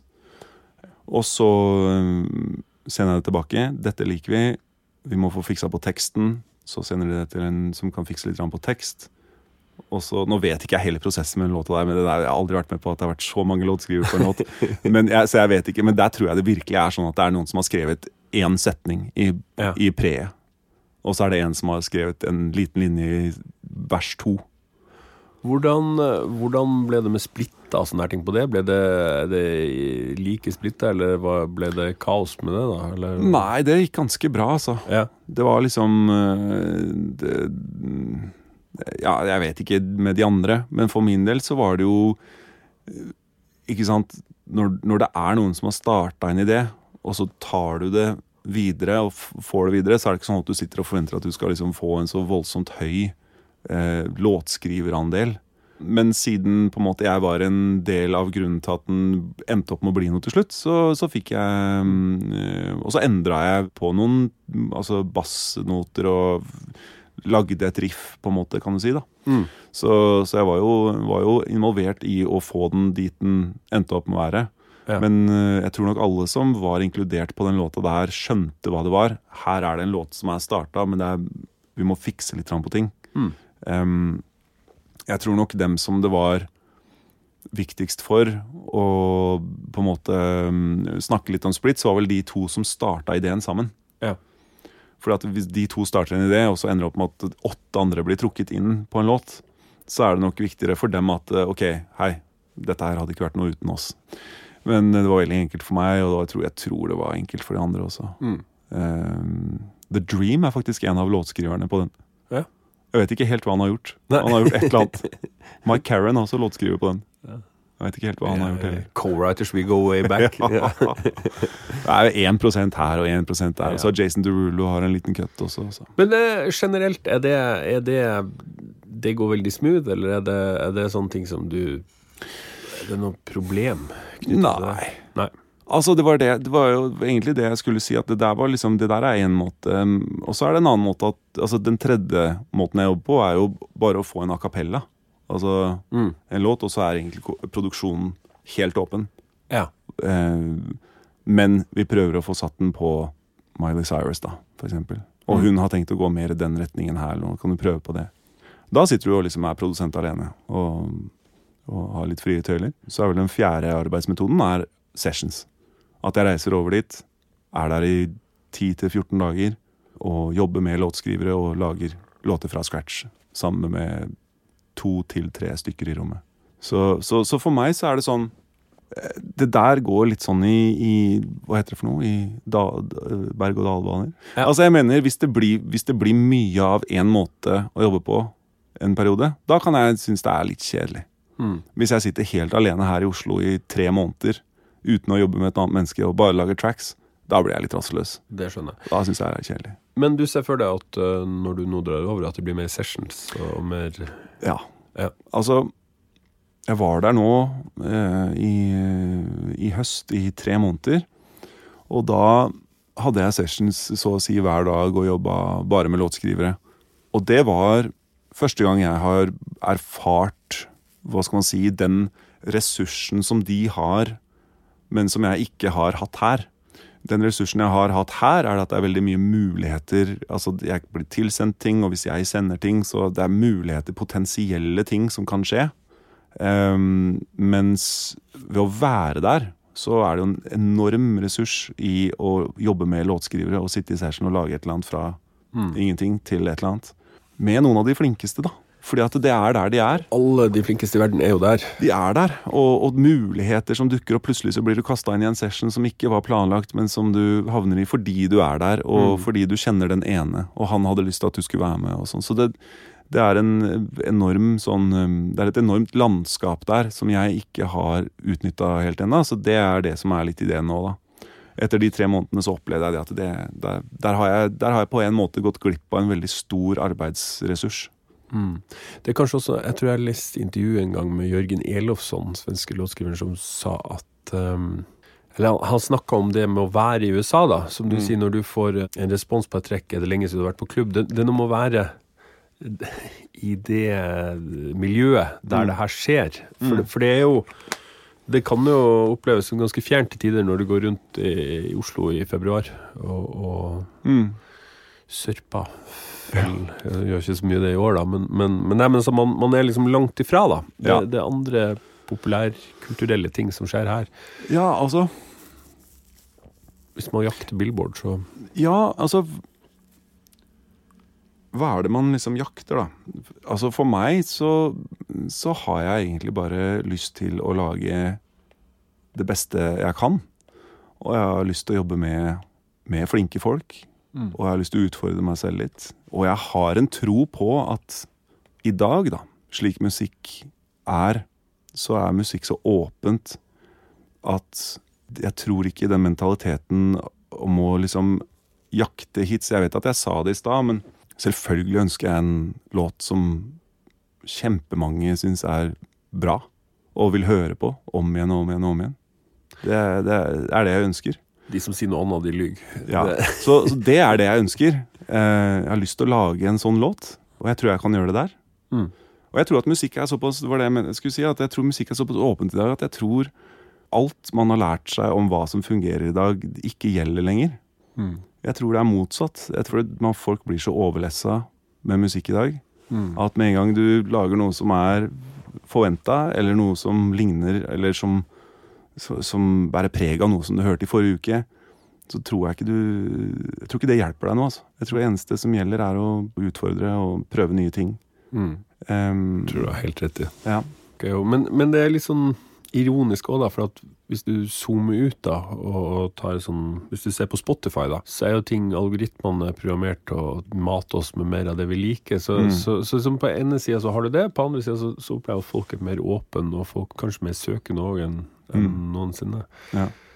Så ja. Jeg eh, tror den overinformasjonen mm, øh, har både gode ting og dårlige ting med seg. Jeg tror, jeg tror, det er, jeg tror man må grave litt mer nå for å, for å høre ting som, øh, som er øh, ikke helt i normen. Eh, men jeg tror det kommer ut Eller det, det kommer veldig mye bra musikk ut. Det bare får ikke Kanskje ikke like stor plass i dag som det, som det mye av den andre musikken gjør, for der kommer det så mye ut. mm, Men vi har folk som pusher grensene fortsatt og lager bra musikk, mm. som tør. Ja. Og så ser du når det kommer en Billie Eilish, eller hva det måtte være, som er liksom Så eksploderer jo også, så det, det er liksom mulig å bryte gjennom Absolutt. helt mot alle odds. Absolutt. Du, eh, vi må nerde litt. Ja. Eh, studio. Du snakka mye om, om eh, Du har alltid vært med David og sånn, og Mm. Avslutningsvis nå så har du vært litt nede hos um, i living room også, hadde du det? Ja, jeg satt i living room ett år fra midten av 18 til midten av 19. Ja. Hos Espen Berg og Simen Eriksrud. Stemmer. Så der var vi en liten gjeng, så det var veldig hyggelig. Ja. Og så, da når jeg bestemte meg for å stikke til USA og gjøre det greiene her, så sa jeg opp leien der og, og har um, vært da i USA og jobba der. Og så når jeg har vært her hjemme, så har jeg ikke hatt noe, har jeg ikke hatt noe særlig god setup, eh, Nei. eh, egentlig. Men jeg har jo, eh, som vi toucha litt innpå inn på før vi begynte å spille inn dette her, så er jo, så er jo utstyr og, lyd og duppeditter er jo en veldig stor del av måten jeg jobber på. Fortell litt om oppsettet som du, som du har hatt, da. Ja, eller eller ja. hva, hva Oppsettet som jeg har hatt, da Jeg har vært veldig glad i synter. Jeg har hatt, hatt en del synter. Jeg har fortsatt noen, men har solgt et par. Nå skulle man kanskje hatt en liten liste. ja. Jeg har brukt 1073 og CLMB eh, gjennom mikken. Mikken har jeg, der har jeg vært ganske dårlig på å investere. Der har jeg faktisk brukt 414 ja. i alle år. Utenom det liksom da jeg har lånt i ny og ne, så har jeg lånt en U87 fra enten David eller liksom fra, fra Espen og Simen eller Joakim og sånn. Så det, det har forekommet, det. Men den har, den har vært trofast følge i ganske mange år nå. Jeg har lært meg mange fine teknikker med den og kjenner den godt. Og så er det noe med hvis du har en sånn signalkjede med en NIV 1073 og en TubeTech CLMB, så det sånn nesten som du kan sette en SM57 framfor deg, og så blir det fint, altså. Jeg har lært meg SM57, og jeg, den, det er mange i, eh, i sessions i USA sånn som liker å For man har jo vokalrom som Ja. de kan gå inn i, men ofte så vil de egentlig bare sitte i sofaen inne i rommet med, med lyden på høyttalerne litt lavt og bare spille inn Håndholdt. håndholdt, Ja. sånn som ideen er. Og da må man ganske kjapt finne, Ja. finne ut hvordan man kan bare få til å låte litt ekstra greit. Ja. Så man kan alltids klare å få ting til å låte ok, altså, så lenge man har, eh, har riktig gear rundt. Ja. Uh, men ja, så det har vært liksom vokalchainen. Men uh, igjen, da, så har jo ikke akkurat vokalopptak vært det mest essensielle jeg har holdt på med de siste årene heller. Når jeg begynte å jobbe med APG, og sånn, så var det veldig viktig for meg å, å prøve å skille meg ut fra alle andre som, som de har signert til seg selv. Altså det ikke være sant til Sahara-utsagnet. eh, Prøve å være litt annerledes. Så jeg har um, hatt mye synter og kjørt ting gjennom uh, uh, du vet, filtre på MS20 og sånne ting som det. Og, og vært veldig eksperimentert mye med lyd, da. Mm. Måter å lage lyder på og sånn. Sampla masse og eh, sånn fra YouTube og, og choppa mye. Og. Så, så jeg har eh, Sånn synter, da har jeg hatt Nordlead, Ja. den første. Så har jeg hatt Poli 6. Så hadde jeg Poly 60, Ja. faktisk. Roland SH2000. ja. Kanskje den jeg har brukt minst, men jeg har brukt den litt. Var det SH2000 SH1000 som var den første synten? SH1000 var den første, og så var SH2000 var den Ja, som kom etterpå. Ja. Jeg veit ikke hvor stor forskjell det var mellom de to der. Det kan ikke ha vært verdens eh, Nei, største. Altså. Men, eh, men den har jeg fortsatt. Ja. Um, så har jeg da eh, hatt Eller har eh, MS-20. Ikke den som du har, altså originalen. Jeg, gikk, jeg var feig og eh, gikk for eh, den uh, nyproduserte versjonen. Ja. Men den er like fin, den. ja, ja, absolutt. Det er bare noe med det derre det er ikke- Den er ikke gammel, Nei. er det eneste. Jeg skal innrømme at min er ikke gammel, den heller. Det er, sånn, eh, det, er det der kittet som Nei. er Men den er full size. Å ja, ja, for det var det jeg det Ja. merket. Den er liksom størrelsen større. Av en eller annen grunn så kom du med sånn Du måtte skru det sammen sjøl. Ja. Var det Hvem var det som kom ut med det? Var det, det var, Det er- det er var Kork. som Ja, kom ut med så det. det. er- Det er på en måte Ja. akkurat samme som du har, da. Bare at Ja. eh, det har full size. Uh... Ja, så du har midi, midi på den? Ja. Ehm, og så eh, har jeg den første synten jeg kjøpte meg, Mikrokorg XL. Oh, ja. sånn hadde jeg òg. med vokoder. Ja, ja. Den har sånn egen den var stilig. svanehals. Ja, ja, ja, ja, den var stilig. Fytti grisen. Ja. Jeg har hatt eh, Den har jeg ikke lenger, for, eller den, den var aldri min heller, men jeg stjal en Jupiter 6 av David. Det gjorde du, ja. Mm. ja. Den er fin. Ja, så den hadde jeg en eh, lang periode der. Og så Ja, den er eh, nydelig. da. Ja, den er helt fantastisk. Hadde ikke David en sånn MKS 80 også? Som, er ikke det egentlig Jo. mer eller mindre samme med sånn programming Det er lenge siden nå, tror jeg. Ja, det er kanskje det. Han hadde jo ganske mye. Han driver fortsatt og snakker om det. Han, eh, han og Espen Berg er sånn bitter i dag for at de har drivet og Ja, ja, solgt ja. analoge gamle synter. Ja, ikke sant. Um, så det Og så en Profit 6, da. Um, så var jo på en måte det der mye av liksom hvordan jeg gjorde Jeg, jeg jobber bare med audio. Jeg bruker ikke softsynter eller medie midi med mindre det liksom er helt nødvendig. Ja. Eh, jeg spiller jo selvfølgelig inn midi når jeg bruker samples og sånn. Så nå jobber jeg, jeg jobber i Ableton. Ja, gjør du det? Ja, Ja, okay. jeg jobba i Logic før, og så gikk jeg over Ja. til Ableton. Gikk over til Ableton i, i 18. Eh, Hvordan har den overgangen vært? Nei, den var eh, Altså, vet du hva? Ok. Folk er veldig redde for Ableton, spesielt Ja, ja. hvis man jobber i Logic eller Ja. Cubase. eller sånne ting For det ser ut som De mener at det ser ut som år uten å Ja, ja, ja. noensinne- For alle sier at det ser ut som et Excel-papir eller Ja. Excel-prosjekt, og det skjønner jeg veldig godt. Men det som var grunnen til at jeg gikk over til det, det var det var en periode jeg jobba mye med, med, Kidyoki. Ja, Og han jobber i Ableton. det. Ja. Og måten jeg og han jobba på, var veldig likt. Altså mye audiobasert. Jeg har aldri kjørt MS-20 gjennom midi, f.eks. Spiller inn, og så flytter jeg på ting hvis jeg er helt ute, liksom. Men, eh, men som regel ganske menneskekvanta, da, kan du si. Ja. Så da var det egentlig det at eh, fordi at det, For meg så er vel, sånn jeg ser det nå, en av de store fordelene med Logic er mm, Eller de to store fordelene med Logic, da, er midi-programmering. Syns jeg er ganske enkelt og, og lettere enn e-boden Så hvis du jobber mye med, med midi, så kan, så kan kanskje det være litt sånn Mm. overgangs... eh, litt større overgang. Kanskje. Jeg vet ikke. Det skal ikke jeg si noe på. Men eh, jeg vil se det for meg, i hvert fall. Ja. Og, og så er det da vokal, eller audioinnspilling. Altså det med å kompe vokal og Vokalprosjekt i Ableton er jo helt grusomt. Ja. Å spille inn vokal. For du har ikke verken eh, playlists eller eh, comp-folder, ikke sant. Nei. Så du har ikke noen funksjon hvor du kan egentlig bare eksempel hvis du bruker spor, altså audio 1 som vokalopptaksspor, så kan du ikke Du kan ikke lage flere spor av audio 1. Nei. Det blir nytt spor hvert gang. Hver, hvert gang. Ja. Jeg vet ikke helt hvor jeg Klippe, kom fra om dagen. klippe vekken til. Det, Ja, men du, men, så du Men- må lage et nytt spor, da. Og, og, så det er de to tingene jeg ser på som litt vanskelig med Ableton. Mm. Så er latency også er faktisk en liten issue. Men Ah, det okay. har jeg klart å jobbe meg litt rundt og finne en løsning på. Men fordi at det, sånn jeg jobba i Logic før jeg bytta over til Ableton, det var at jeg igjen jobber mye med audio, så da går jeg ut i Finder og søker på lyder og henter det inn i Logic. Lydene mine, liksom. Drar de som jeg drar, liksom. drar, Ja. drar inn i Ja. prosjektet. Ja. Timestretcher, transponerer og sånne ting som det for å få det til å funke inni der. Og når jeg jobba mye med da Kidyoki i den perioden, så, så bare så jeg hvor lett det var.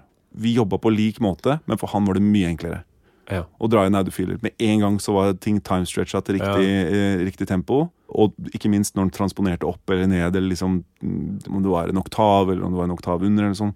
Det har alltid plaga meg med Logic at det, når du transponerer, så er det, er virkelig et hassle, altså.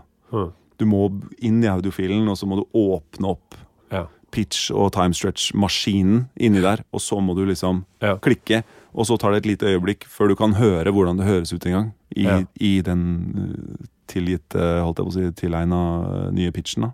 Mm. Eller timestretchen. Mens i Ableton så er det real time. Du, Ja. bare Mens du hører på, så kan du transponere opp og ned med å trykke på piltaster. Liksom. 1, 2, 3, 4, 5, 6, 7, 8, 9, 10. Eller bare skift en opp Da er du i oktaven. Og det låter mye bedre. Til og med mye bedre enn Pro Tools sin uh, pitchemaskin, vil, vil jeg påstå. Ja.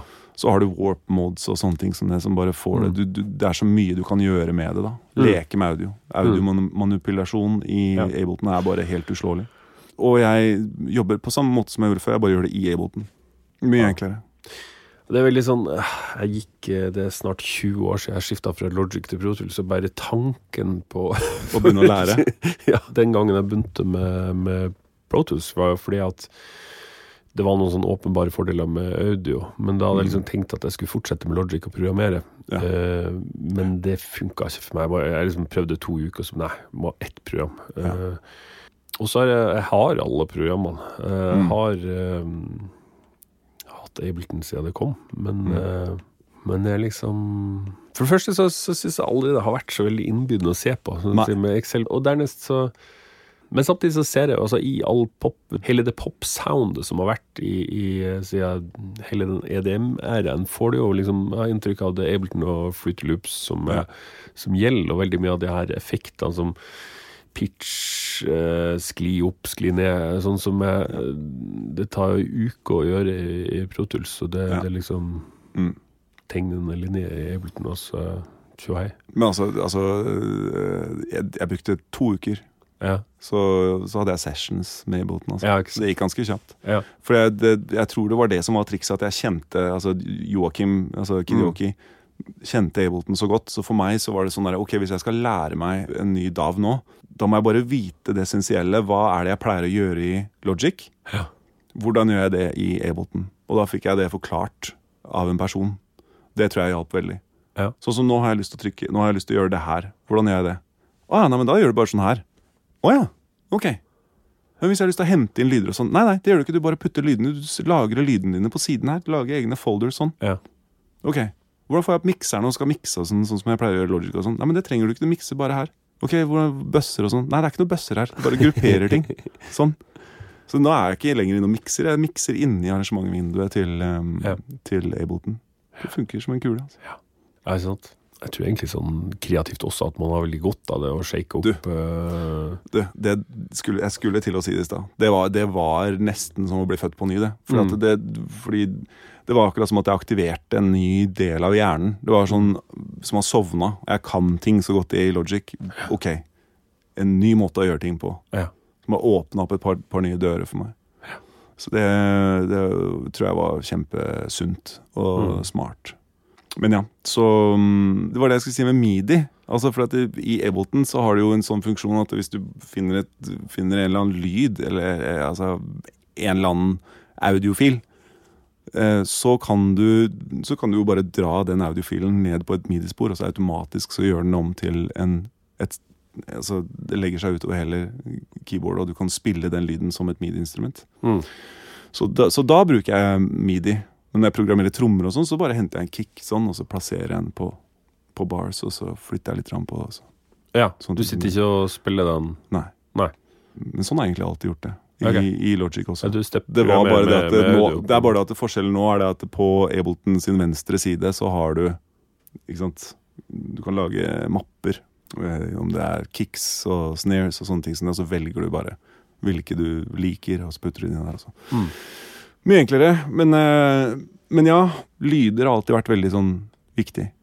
Samla på lyder, Ja. lagd lyder.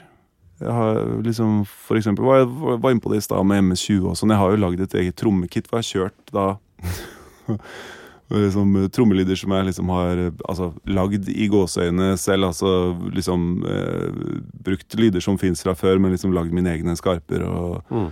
hva nå enn det måtte være, liksom. Så kjørt de eksempel gjennom da Eller dette her har jeg faktisk gjort. Kjørt da en, en kick. Jeg har et helt kit med det her, men da kjøre én og én lyd gjennom OP-en Nei, kanskje det var, jeg lurer på om det var gjennom MS20 først. Ja. Inn Altså fra Ableton inn i MS20-filteret med litt overdrive, altså den uh, feedback-patch-moden. og så inn i OP-en med disse her effekt... eh, for disse, de har jo sånne uh, Ja. FX-engines. og så sampla det inn igjen i Ableton. Kjørt all én og én lyd sånn gjennom sånne ting som det. Ja. Så jeg har alltid brukt mye tid på å lage lyder og få ting til å låte som mitt, da. Ja. Så derfor så har jeg hatt en del synter, og OP-en ble jo en veldig viktig del av det. OP-en er sånn Ja, den er, den er så fet, den. Ja. Men det er sånn Jeg kjøpte den jo i 2013. Så det var egentlig liksom før den ble en sånn der voldsom svær portabel synt. Nå, nå, er, nå er jo den De fleste har jo den. Men jeg hadde den vel, tror jeg Jeg skal skryte og si at jeg fikk min i 2012, men uh. Åh, Ja, men da var du før meg. Da var du før meg.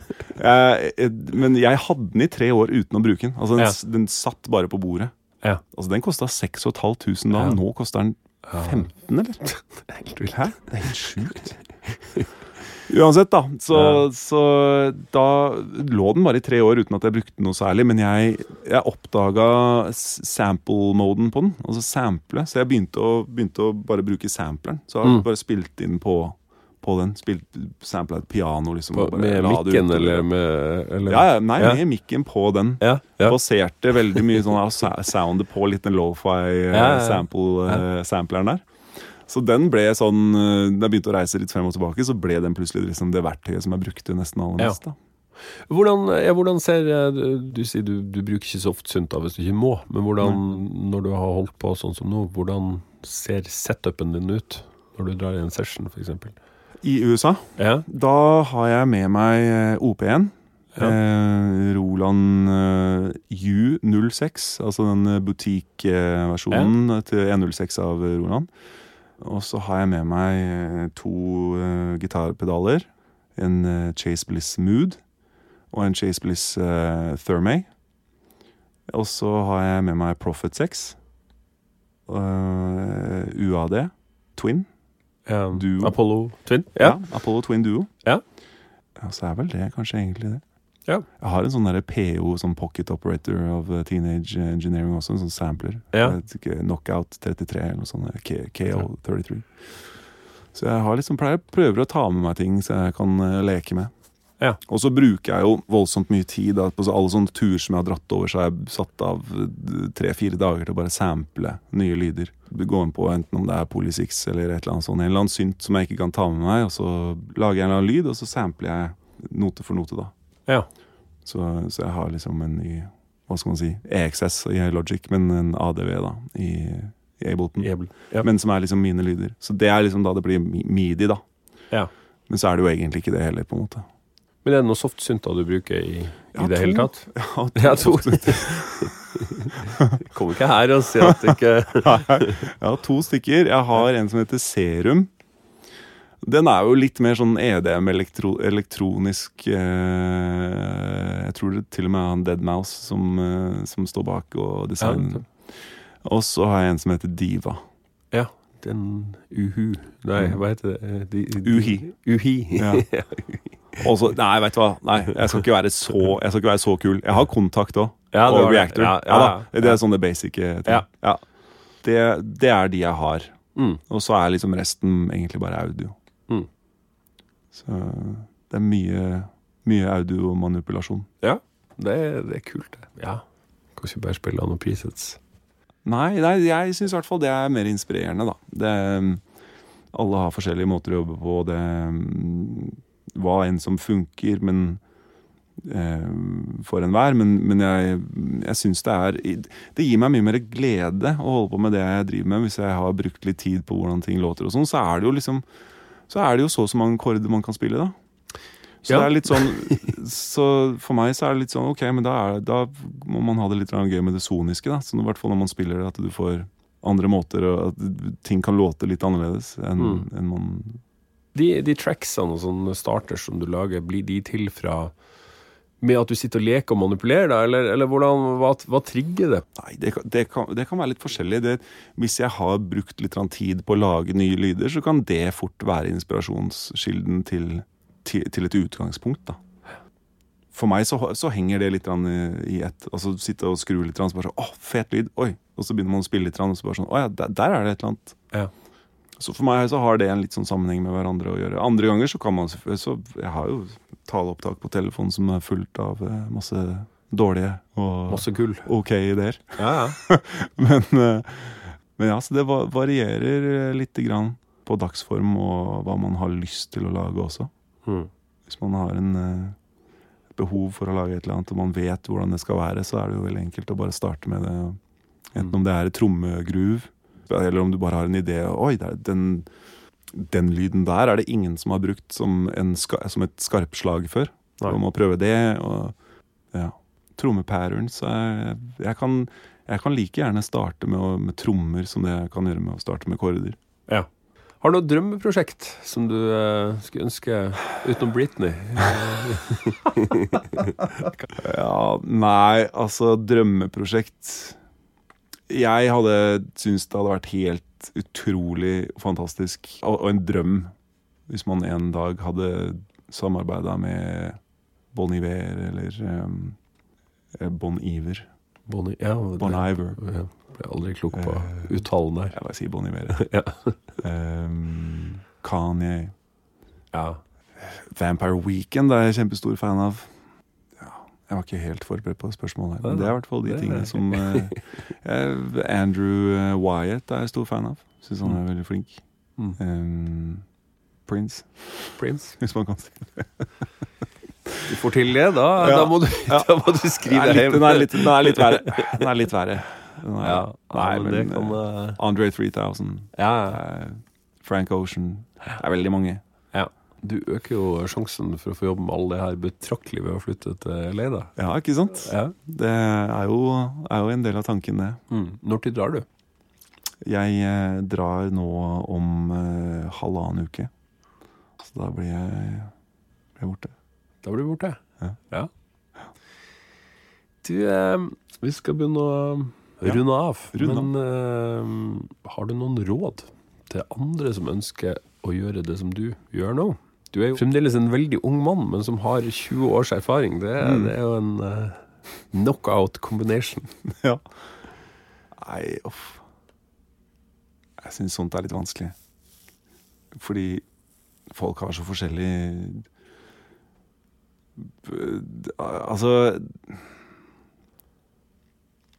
Folk er forskjellige og ønsker forskjellige ting, og det er aldri noe fasit, tror jeg, på noen ting. Jeg tror liksom Kanskje bare være litt klar over hva man ønsker å gjøre og få til. Sette seg litt mål. Være litt klar over det Mm. og huske på det.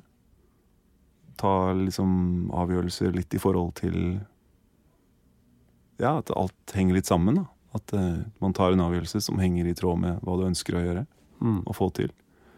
Um, Stole på deg selv.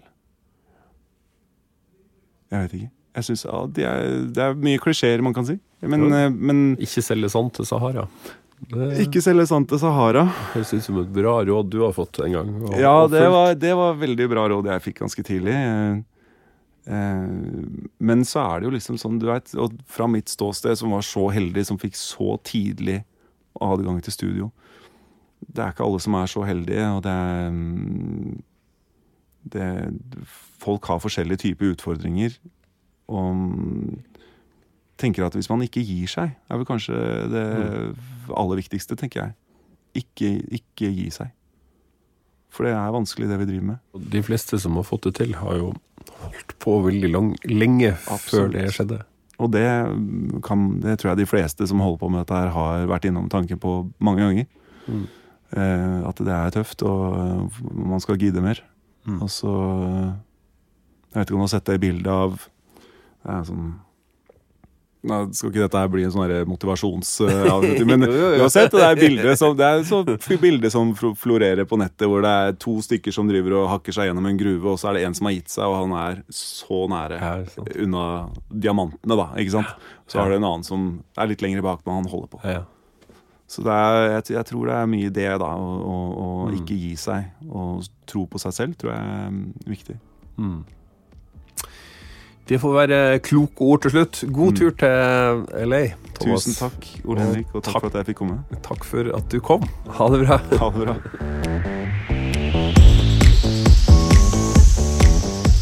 Det var Thomas Eriksen. Vi får ønske han all lykke i statene.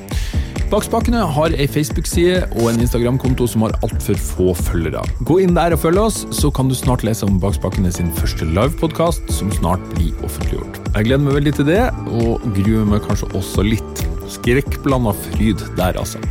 Hvis du sitter med mobilen og lytter på Apple Podcast nå, så er det kjempefint om du legger igjen en rating. Da vises Bakspakene bedre i iTunes. Legg gjerne også igjen en kommentar om hva du syns.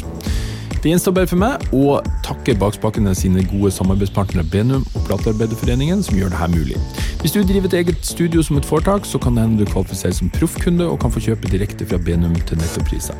Det er det mye å spare på. Du finner ut ved å gå inn på benum.no slash bakspakene og søke om å få bli kunde. På platearbeiderforeningen.no kan du melde inn i Platearbeiderforeningen og ta del i en rekke medlemsfordeler. Det koster 550 i året. Hvis du er student, koster det bare 400. Sjekk det ut med en gang. Mitt navn er Ole Henrik Antonsen, og vi høres snart igjen.